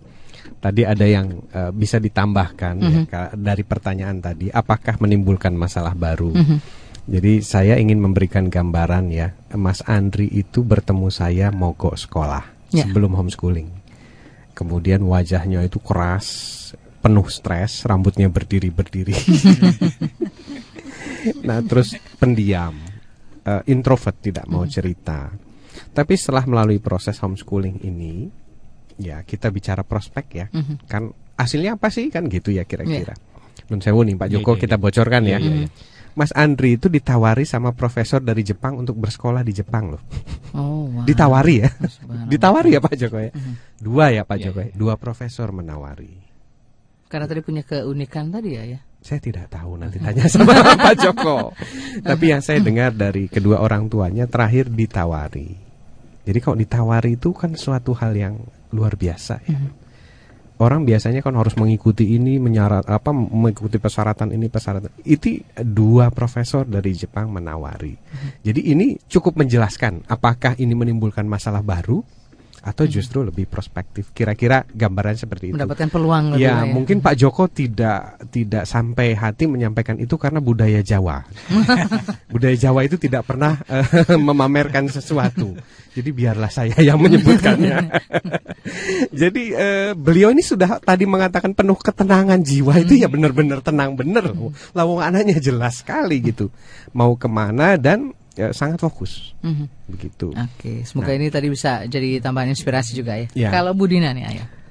Begini Budina, jadi Tuhan itu sebenarnya sejak kecil itu sudah memberikan sketsa-sketsa tentang maestronya anak kita mau Mhm. ke mana. Nah, sejak usia tiga tahun. Ya. Hanya saja kita sebagai orang tua belum pernah sekolah jadi orang tua. Jadi nggak tahu kalau itu sebenarnya sketsa-sketsa yang dikirim oleh Tuhan melalui anak kita. Mhm. Barusan Pak Joko cerita ya, Mas Rian kecil dulu usia berapa ya? Bu, bisa buat apa itu tadi Pak Dua Joko? atau tiga tahun Dua, ya. tiga tahun. Dua Sudah tiga bisa. tahun bisa buat apa Mas Rian waktu itu? pesawat ya. Pesawat dari dari Lesi, lesi lesi. itu ya dari lesi sejak kecil gitu. Terus besar sedikit eh, jadi pemain golf dan itu luar biasa begitu. Jadi sebenarnya itu adalah sketsa-sketsa yang diberikan Tuhan. Nah hanya kadang-kadang kita ini tidak belajar bagaimana menemukan sketsa Tuhan. Jadi anak yang jago misalnya tadi, nah, Pak Joko nanti cerita loh Pak Joko. loh. Saya tuntut bercerita. Jadi anak yang jago membuat les, apa lesi pesawat ya, desain pesawat dasar itu oleh sekolahnya malah dilarang. Karena sekolah itu wajib menulis, membaca, berhitung, ngerjain PR. Nah, ceritanya gimana Pak Joko? Ya ini ya, eh, terima kasih ya. Jadi eh, Rian ini anak saya ini kan eh, sangat bosan kalau duduk di kelas ya. Ya. Ya dulu karena memang saya belum punya ilmunya, jadi ya, ya kamu harus sekolah mas. Udah diantar-antar gitu, tapi akhirnya kan, loh, kalau kalau di sekolah seperti ini kan jadi tidak mendidik aja pada dia sudah sukanya itu menggambar, Mhm. menulis, tapi di sekolah ternyata malah sampai dihukum. Hukum apa itu pak? Dihukum karena anaknya harus melihat di luar karena di kelasnya nggak Bosan. bosen dia ngintip ada eh, lubang itu ngintip luar terus Oh, kayak Thomas tuh. Karena di kelas mungkin nggak nggak- akhirnya kan dilaporkan ke saya terus dia nul- harus nulis saya tidak akan bermain lagi. Itu 500 ka- kalimat seperti itu kan Yang sampai sama. nangis. Yang sama nangis. kan nangis itu di rumah. Itu PR-nya seperti itu waduh. Itu Ini bikin kan- pinter gak itu pak? ya itu saya celakanya waktu itu belum ketemu ayah Hedi. Jadi ya tak- saya suruh sekolah terus. Ketika harus akhirnya kan justru kemampuannya yang lesi tadi agak tertunda. Iya. mungkin harus wah saya nggak nggak boleh main begitu nggak boleh gambar itu nggak boleh Jadi desain semua itu serba dibatasi, Pak. Itu batasi serba- ya. serba ini ya. akhirnya saya harus melakukan PR-PR yang nilainya jelek-jelek terus itu Iya. akhirnya ya nilai akademisnya jelek tetapi dia mempunyai kemampuan-kemampuan eh, apa motorik yang luar biasa malah malah itu yang ter- tidak dilihat baik. tidak gitu ya, dilihat dan ya. kami tidak seharusnya kalau seandainya waktu itu kami itu punya ilmu itu barangkali Mas Rian kamu di rumah saja belajar itu terus tiap hari Saya Mungkin- masih di Banten belajar ilmu. Belum ketemu Pak Joko. Betul, ya. nah itu akhirnya wah ini kalau Iya. keluarga Indonesia bisa bisa Jadi lebih mengamati awal itu ya, kita akan lebih ini, Pak, mengamati. ya. akhirnya kalau tadi Budina itu Iya. tiga tahun kesukaannya apa Ya. nah kalau sudah sukanya apa dia Rian itu nggak tidur kalau sudah pegang itu nah itu terus saja Bisa diamati sebenarnya sejak eh, Iya. usia dini ya. hanya kayak nggak ngeh aja ini orang tua Iya. itu karena masih paradigma lama itu Oke, Baik. kita ke Mas Rian Iya, dulu ya. ya. Ini kalau kita eh, ingin gali lagi, sekarang udah harus rajin-rajin eh, belajar banyak ngobrol. Nanti kalau udah dikejar-kejar sama eh, ini para Wartawan. wartawan nanya tentang ciptaan-ciptaannya Mas Rian harus siap loh ini. Iya, kayak Thomas Oke. Edison nanti Tapi ya. kalau nggak apa-apa, kalau ntar nggak siap, eh, nanti Bu Nancy yang ini ya. Jadi humasnya gitu. Juru bicara. Kalau kalau Mas Rian tadi kan sudah eh, sering ini ya menciptakan sesuatu atau punya kreasi dari mulai pesawat, lalu juga tadi ada sepeda. Nah, sekarang apa sih yang paling eh, menjadi harapannya Mas Rian apa nanti ingin menciptakan apa terus ingin jadi seperti apa? pengen ngalahin ini apa mekanik-mekaniknya Thailand W- Wow. Eh, mekanik apa tuh Mas? Eh, motor balapnya Oh motor, motor balapnya. Oke, tadi kan kita sempat ngobrol di luar dan eh, Mas Rian juga sempat ikut eh, seperti pelatihan seperti Iya. itu. Nah, ini boleh diceritakan nggak pelatihannya seperti apa? pelatihannya kayak ini kayak diajarin dari awal gitu Mm-mm, mm-mm. dari empat tak dua tak Bongkar pasang motor. bongkar pasang motor Mhm. sama metik juga Mm-mm. semuanya Asik nggak tuh? Asik banget Oh, pokoknya Katanya ayah dengar sampai begadang-begadang. eh, eh, kan jadi kayak Nggak tidur itu. enggak Nggak capek. nggak capek Ya soalnya malah kalau sabtu minggu malah nggak enak Oh. soalnya di rumah doang Oh, Sabtu Minggu Jadi kalau nggak nggak geremet begitu kan enak. Coba bayangin. Itu di situ diajarin apa aja sih Mas Rian? dari dasarnya sih Mhm. sampai ke komponen-komponen Jadi dalamnya pengetahuan kita tentang mesin Iya. gitu ya dan eh, tentunya perangkat lainnya ya. Heeh. Katanya selesai paling cepat. dua bulan Harusnya? harusnya tiga bulan Oke, setelah ini nih, pengennya ke mana lagi untuk bisa tentunya mewujudkan apa yang jadi cita-citanya Mas Rian? Mungkin eh, latar belakang pendidikan apa lagi yang ingin dianyam ya, ya, ya ingin Iya, tentunya iya. dipelajari terus sehingga nanti eh, Mas Rian mungkin bukan hanya ingin mengalahkan eh, mekanik dari Thailand saja, tapi seluruh dunia kan? iya Mhm. Mau jadi Soichiro? pengen Udah dapat nggak sekolahnya ke mana-kemana gitu? Udah dapat gambaran nggak?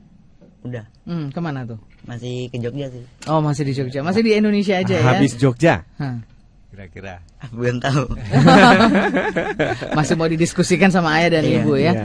Kalau dari eh, ibu sendiri, kalau melihat begitu perkembangannya Mas Rian ya setelah tadi memutuskan homeschooling dan sudah tahu eh, atau sudah menggali minatnya, ini apa saja sih bu yang perlu tentunya dibekali gitu ya, yang lainnya sehingga itu akan lebih ini ya cepat mungkin nanti membantu Mas Rian menjadi sesuatu. Ya, yang jelas kalau saya sebagai ibu Mhm. terutama akhlak ya. Mhm. I- Itu kalau kata orang kalau akhlaknya udah baik, insya Allah dia eh, yang lain-lain itu akan baik juga Mhm, gitu. Jadi insya Allah kalau apa eh, Rian itu udah jadi tracknya itu ya kita sebagai orang tua hanya support saja gitu. Mendukung ya. Mendukung ya, terutama apa namanya?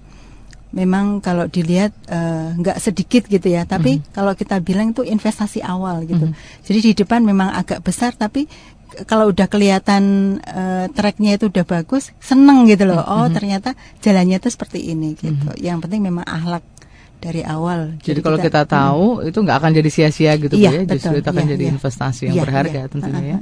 Oke, tapi ngomong-ngomong apa sih Bu yang diinginkan Mas Rian belakangan ini gitu? Mau ke mana atau Mau ke mana? sekolahnya mau di mana gitu dilanjutkan? Kalau cerita dia pernah bilang pengennya ke Thailand. Mm-mm. Jadi setelah Hendriansa ini terus kepengennya ke Thailand, Mhm. dia pengen cari beasiswa gitu. Oh wow. Nah, jadi eh, kalau kalau nggak di situ dia pengen sekolah Honda atau Mhm. Yamaha gitu. Waduh, berarti dari, dari sekarang udah ini ya ngincer-ngincer kira-kira dapat beasiswa di mana? Udah hunting ya? Nah, di situ Mbak, di situ yang menarik ya. Mhm.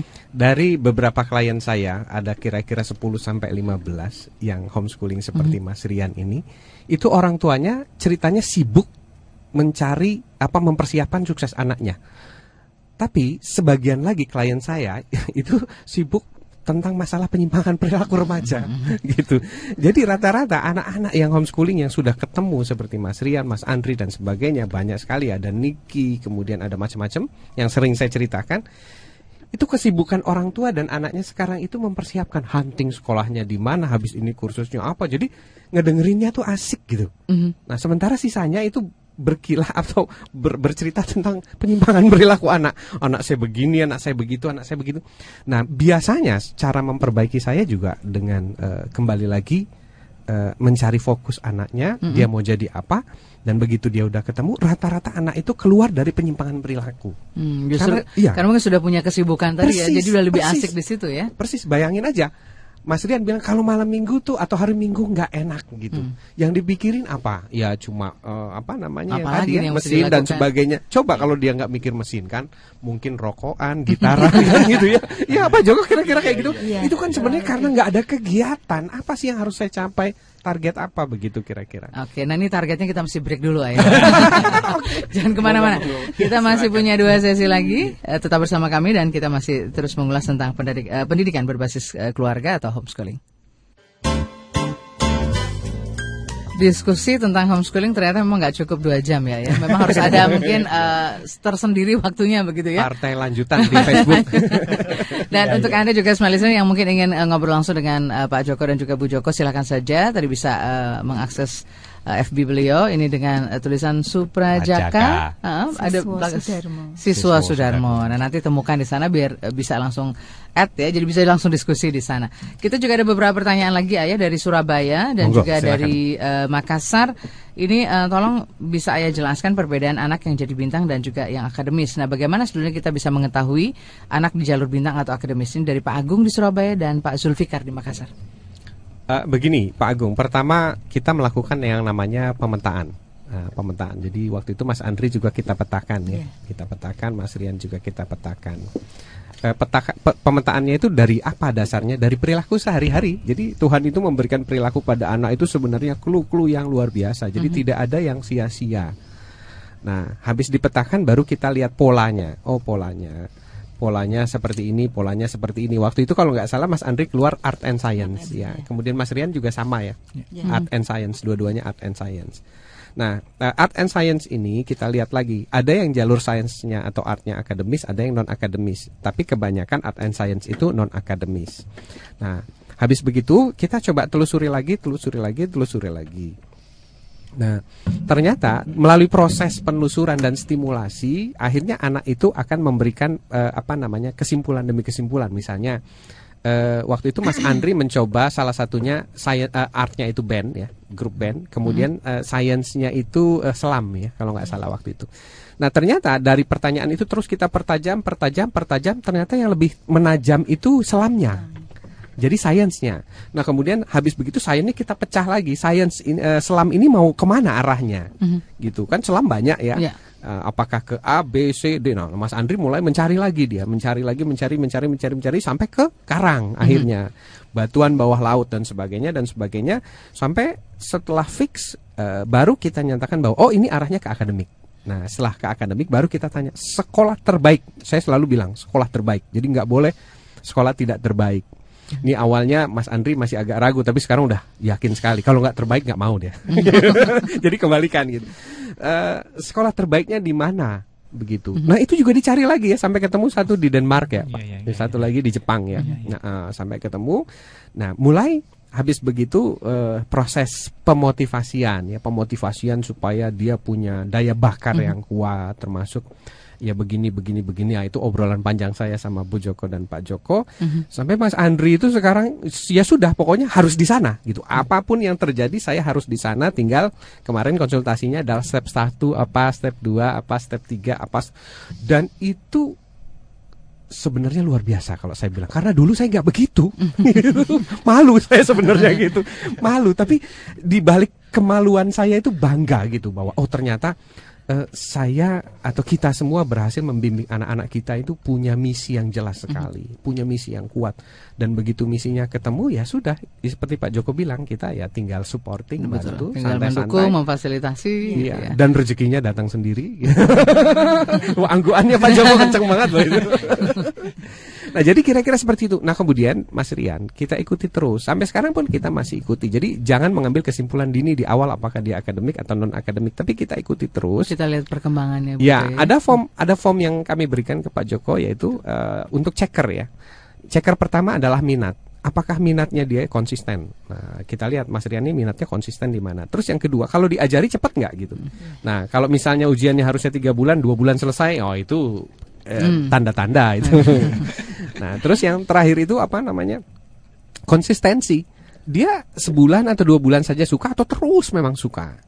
Nah, setelah itu eh, kelihatan, mungkin kita lihat jalurnya adalah jalur bintang, artinya non akademis. Nah, kita cari jalur bintang, sekolahnya para bintang. Jadi bintang itu nggak mesti harus tampil di TV ya. Iya. Tapi kalau misalnya montir, montir nomor satu di dunia, kelas satu di dunia, yang bayarannya pun kelas satu di dunia begitu. Nah, jadi seperti itu plus. Ah, kalau itu sudah ada, nah saya akan eh, bicara sama orang tuanya untuk menanamkan mimpi. Jadi mimpinya jangan jangan rendah-rendah, harus setinggi-tingginya. Gitu, harus yang terbaik, harus yang terbaik atau kalau saya bicaranya kalau jalurnya bintang owner. gitu. Jadi pemiliknya. gitu Iya, ya. jadi pemilik gitu. Kenapa kita kenapa bangsa Indonesia nggak punya satu merek motor saja gitu? Nah, saya katakan suatu saat nanti mungkin yang akan memulainya Mas Rian. Amin. Satu merek motor Indonesia. Ini yang di sebelah ini udah pesan satu ya. Dicatat ya Mas Rian ya. Oke, tadi Ayah menarik ya kalau bicara soal eh, bintang itu kan tidak memang harus yang eh, mungkin tampil atau juga mungkin Ya. eh, di balik layar, tetapi semuanya bisa eh, punya eh, kesempatan yang sama. jalur gitu ya. non strata yang jalur bintang itu jalur non strata begitu. Hmm, sebenarnya sini juga udah banyak bintang ya. Ayah Edi juga bintang, cuman Ayah Edi udah ke TV, saya belum gitu. saya menyusul. Insya Allah, amin. Insya Allah. Amin. Oke, Oprah kita- Nancy. Amin, amin. Kita ke pertanyaan yang berikut ini ada Alex eh, di 0878 4083 dan seterusnya. Eh, selamat malam semuanya. Saya Alex di Maros. Ya. Saya siswa SLB eh, SLB ya ya. Ya. Mau tanya eh, saya sudah menemukan mimpi yakni menjadi pemain catur penyandang cacat yang bergabung di kalangan normal, tapi terbentur akses ke sana karena masih ada diskriminasi. Mohon sarannya ya. Eh, gini, yang pertama saran saya selalu minta petunjuk Tuhan karena pintu-pintu itu akan dibukakan semuanya sama Tuhan. Semua ketakutan kita itu hanya ada di batas pikiran manusia. Tuhan itu bikin matahari aja bisa loh. Apalagi cuma bu- buka-buka jalan buat kita gitu. Jadi pertama kembali ke Tuhan, terus kita coba cari eh, maestro catur Indonesia siapa sih? Kalau nggak salah kan Mas Utut ya. Iya. Terus punya sekolah di Bekasi. Coba cari di internet alamat sekolahnya, kirim surat. Setelah itu bilang sama beliau, ayo uji saya. Ayo uji saya karena beliau tuh eh, orangnya baik hati, ya, murah hati. Di depan eh, kantor beliau, sekolah beliau tuh ada anak pedagang rokok yang jago main catur itu disekolahkan jadi master. sampai master ya. Itu anaknya tukang rokok gitu. Jadi eh, pesan saya adalah jangan pernah kita eh, menjadikan segala sesuatu eh, bottleneck kekurangan kita itu menjadi penghambat. Cari terus, ngulik terus jalan keluar pasti. Nah, kalau kita merasa sulit, kita minta tolong sama Tuhan. Kira-kira pesan saya seperti itu. Coba nanti cari ya sekolahnya Mas Utut itu yang di Bekasi. Kirim surat, kemudian minta diuji saya gitu. Hmm. Nah, kalau memang nanti e, berbakat, biasanya Mas Utut pasti akan ini anak e, bibit ini, Hmm, gitu. Jadi akan diambil. beliau akan ini memberikan eh, ruang tadi ya untuk eh, terus ya ya Ya, eh, memberikan kesempatan berlatih dan belajar terus ya menjadi terbaik. Oke. mudah-mudahan. Untuk Alex, semoga eh, banyak kesempatan karena memang kita juga semua pasti diberi kesempatan, jadi kita juga punya pilihan untuk mencapai kesempatan itu. Kita ke Ayah Deden di Cinere. Selamat malam Ayah Edi. Selamat malam. Eh, saya punya eh, keinginan anak pertama saya itu menggeluti bidang yang eh, bidang khusus yang dia suka, misalnya musik. Eh, terus musik hingga eh, jika harus eh, menjadi insinyur di bidang musik juga it's okay gitu. Namun jika di tengah jalan mulai bosan dan ingin masuk sekolah yang lain atau berkurikulum, apa apakah ini bisa menjadi problema tersendiri? Ayah? Nah, itu dia. Jadi ada langkahnya, Pak. Jadi kita tidak serta merta mengambil keputusan di depan si A ini, si B ini, si C ini. Karena sering kali anak-anak itu berubah-ubah. Nah, makanya di tahap awal kami menyarankan eh, anak kita untuk melihat berbagai macam profesi. Ya, sebelum dia memilih satu profesi tertentu, namanya stimulasi. Jadi eh, usia SD kelas 1 sampai kelas 6. Ini konsepnya Bill Gates loh, Pak. Bill Ya. Gates udah bikin sekolah kayak begini di Amerika. Jadi kelas 1 sampai kelas 6 itu adalah untuk memancing anak ketertarikannya di mana. Makanya sekolahnya Bill Gates itu tiap hari kerjanya anak boleh memilih mau tiap hari memilih belajar apa. Nah, sampai kelas 6 dia ditargetkan harus sudah menentukan aku mau jadi apa. Jadi kata Bill Gates orang itu harus tahu dia mau jadi apa baru dia ja- akan jadi orang sukses. Nah, sekolahnya Bill Gates itu nanti akan membantu dia menyalurkan ke apakah jalurnya bintang atau akademik. Nah, itu yang kita copy sebenarnya di sini. Caranya Bill Gates kita copy di sini cuma secara perorangan. Kalau dia sudah bentuk institusi ya. Nah, jadi eh, kesempatan kita itu adalah kelas 1 SD sampai kelas 6. Kalau misalnya ternyata anak saya sudah SMP gimana? Ya nggak apa-apa, jadi mundur Ya. gitu. Jadi usia suksesnya mundur. Anak saya sudah SMA, ya nggak apa-apa, usia suksesnya Kayak mundur. kita berdua ya, ya. Mundurnya kebanyakan ya. saya 33 tahun. Tapi 33 tahun aja masih bisa kan Ya. gitu ya. Tidak ada kata Eh, Tidak terlambat ada kata terlambat. mau, ya. ya. Karena waktu saya 33 tahun saya ngelihatnya Kolonel Sanders 56 tahun Iya. gitu. Selalu ada kesempatan ketika kita memang eh, mau ya, ya. eh, Begitu berusaha. kira-kira gambarannya. Kita lanjut lagi sekarang kita ke pertanyaan yang berikut. Eh, Sebelum kita break ada Wulan di Pekanbaru. Waduh, selamat malam Ayah, Pak Joko dan keluarga. Eh, bagaimana malam, caranya saya bisa mendapatkan panduan atau diskusi secara langsung mengenai eh, mekanisme homeschooling? Apakah ini ada komunitas atau ada eh, komunitas tersendiri yang bisa direkomendasikan? Karena saya punya anak eh, namanya Raffi, sekarang ini malas sekolah. Matematika disuruh menghafal. Padahal konsepnya dia mengerti. Mohon infonya nih untuk Pak Joko dan Ayah. Tapi jangan dijawab dulu ya, kita mesti break dulu. Dan ke mana-mana, harap bersabar untuk Ayah Raffi. Kami akan berikan jawabannya selepas beberapa pesan berikut ini. Ya, kita masih kembali untuk Anda dan ternyata memang eh, homeschooling masih jadi perbincangan yang menarik dan juga hangat malam hari ini dan yang pasti akan lebih hangat lagi kalau nanti Anda bisa ketemu langsung dengan Ayah Edi ya pada hari Minggu tanggal 4 Maret 2012. Ini di gedung PKK Nyimas Melati samping RSU Tangerang pada eh, pukul 13 sampai dengan 17 waktu Indonesia Barat. Ayah Edi akan berbagi tentang sudah tepatkah kita mendidik anak-anak kita dan mengapa mereka menjadi semakin suka melawan dan sulit diatur. Nah, ini untuk Anda ingin mendaftar sesegera mungkin supaya masih bisa dapat kesempatan. Ini daftarnya mudah sekali, cukup dengan mengirim SMS dengan format ketik nama dan alamat peserta lalu Anda kirimkan ke nomor 0815 10 10 1788 atau di 0813 1679 7390 dan harga tiket ini seharga Rp100.000 rupiah sangat terjangkau sekali. Kal- Dari tadi kan kita ngobrol soal eh, bagaimana Mas Andri dengan eh, potensinya dan juga Mas Ria dengan potensinya. Nah kalau si kecil Bu Mas Yuda ini, ini saya lagi diambil nih gambarnya lagi di shoot ya Mbak Dia nih. Mau jadi apa nih? Mau Ini tiga-tiga ke, mau dikirim ke TV itu. ini tiga-tiganya juga uniqueness semua ya Bu Iya, ya punya iya, eh, minat yang berbeda-beda. eh, dia cerita katanya kepengen jadi arsitek. Hmm. Eh, arsiteknya juga yang desain interior. Jadi Hmm. tiap hari itu dia sudah belajar mengga eh, apa skate ya, Mm-mm. menyekat. Misalnya waktu itu waktu itu dia bikin kos-kosan Hmm, gitu, oke. tapi bukan kos-kosan biasa, tapi Waduh, dengan fasilitas yang macam-macam gitu. Mhm. Terus bikin kafe. Jadi eh, setiap hari dia belajar eh, apa dari Google SketchUp Mhm. gitu. Terus kebetulan tetangga itu ada arsitek. Jadi kita sering nanya dia habis ini belajar apa lagi, belajar apa lagi gitu. Hmm, Gitu, jadi juga sebenarnya dengan lingkungan kita bisa dapat eh, banyak Betul, ini juga iya, ya, iya, iya, informasi iya, dan juga iya. mungkin bisa dapat tambahan ilmu seperti Iya, itu. Nah, ayah kita kan melihat ketiganya eh, unik begitu ya, masing-masing dengan tentunya minat dan eh, potensinya sendiri-sendiri. Nah, sebagai eh, orang tua ini apa sih yang perlu misalnya tetap eh, perlu menjadi sebuah bekal sehingga eh, tadi tetap ini ya, tetap komit, tetap konsisten begitu, karena masing-masing kan beda-beda nih. Eh, yang pertama mungkin mengingat pengalaman saya yang lalu-lalu, eh, kalau ada punya anak dinyatakan bermasalah, eh, jangan percaya dulu sebelum ketemu saya. Ini promosi nih. Ya karena saya yakin yang yang orang yang nggak bilang bermasalah itu ya yang paling sering saya gitu. Eh, ya ya mungkin yang lain ada tapi saya nggak tahu siapa gitu.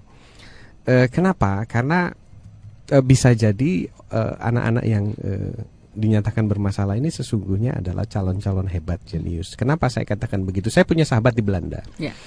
Eh, dia cerita gini, di ternyata di Belanda itu pelajaran yang paling berharga itu sejarah. Jadi orang itu selalu membicarakan sejarah karena dari sejarah itu kita bisa belajar tentang masa lalu untuk mempersiapkan masa depan. Nah, saya terinspirasi dari sana, saya mempelajari sejarah biografi orang-orang hebat di zaman dulu gitu. Jadi saya lihat ciri-cirinya dan sebagainya. Nah, pertama kali saya ketemu Mas Andre, ketemu Mas Rian gitu.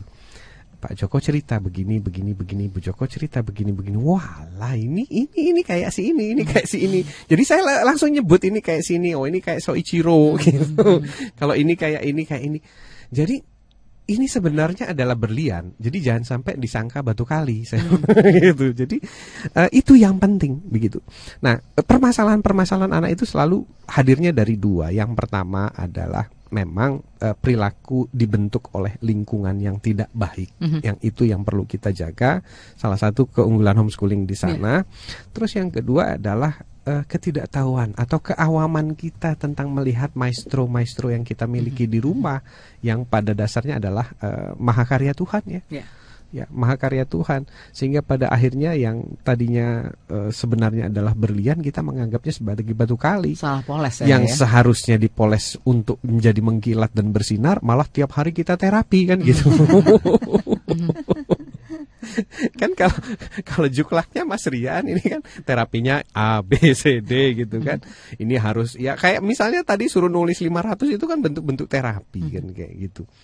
Nah, itu sebenarnya yang yang yang paling penting untuk kita pahami bersama bahwa jangan cepat percaya kalau anak kita dinyatakan bermasalah kecuali quote unquote ya kalau misalnya memang ada proses-proses tertentu yang pada masa kehamilan mengalami apa ini dan sebagainya. Nah, itu pun kami tidak bisa menafikan memang ada yang seperti itu misalnya. Eh, tapi itu pun masih bisa diangkat menjadi seorang maestro seperti ahli misalnya.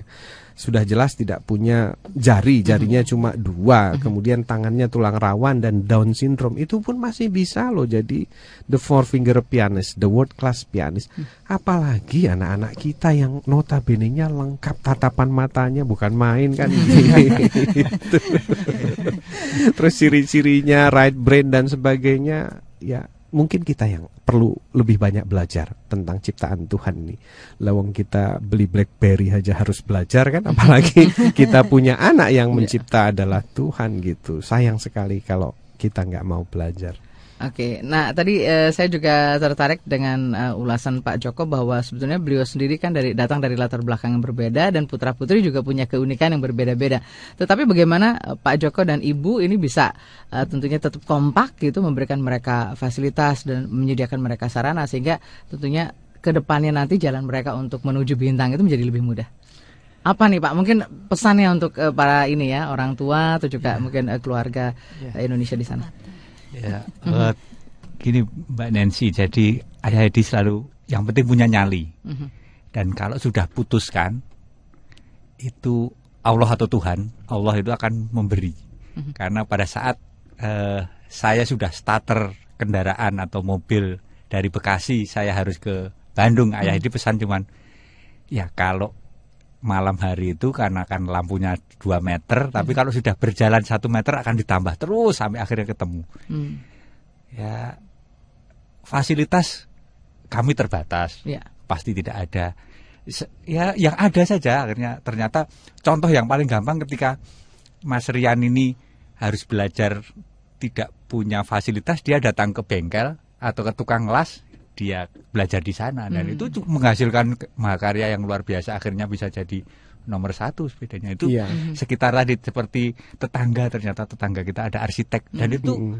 Kok yo Jadi terbuka aja jalannya begitu iya Pak ya. jalannya ada saja itu Iya. yang Bahasa Jermannya caranya. dilalah. seperti tadi yang eh, profesor yang di sana tadi yang Iya. kalau udah dibuka ayah Edi Iya, ya udah terlanjur ya. udah terlanjur jadi kebetulan kok ya ketemu gitu ya Ketemu. kok ya ditawari Kok ditawari gitu. Nah, iya juga dan itu ya kami ya pasrah saja akhirnya Mhm. pada Iya. saat ayah Edi mengatakan berani nyali berdoa langsung nanti akan ada jalan sendiri karena Allah sudah memberikan eh, Iya. apa eh, setupnya kelihatannya Anak SMA gaulnya sama profesor.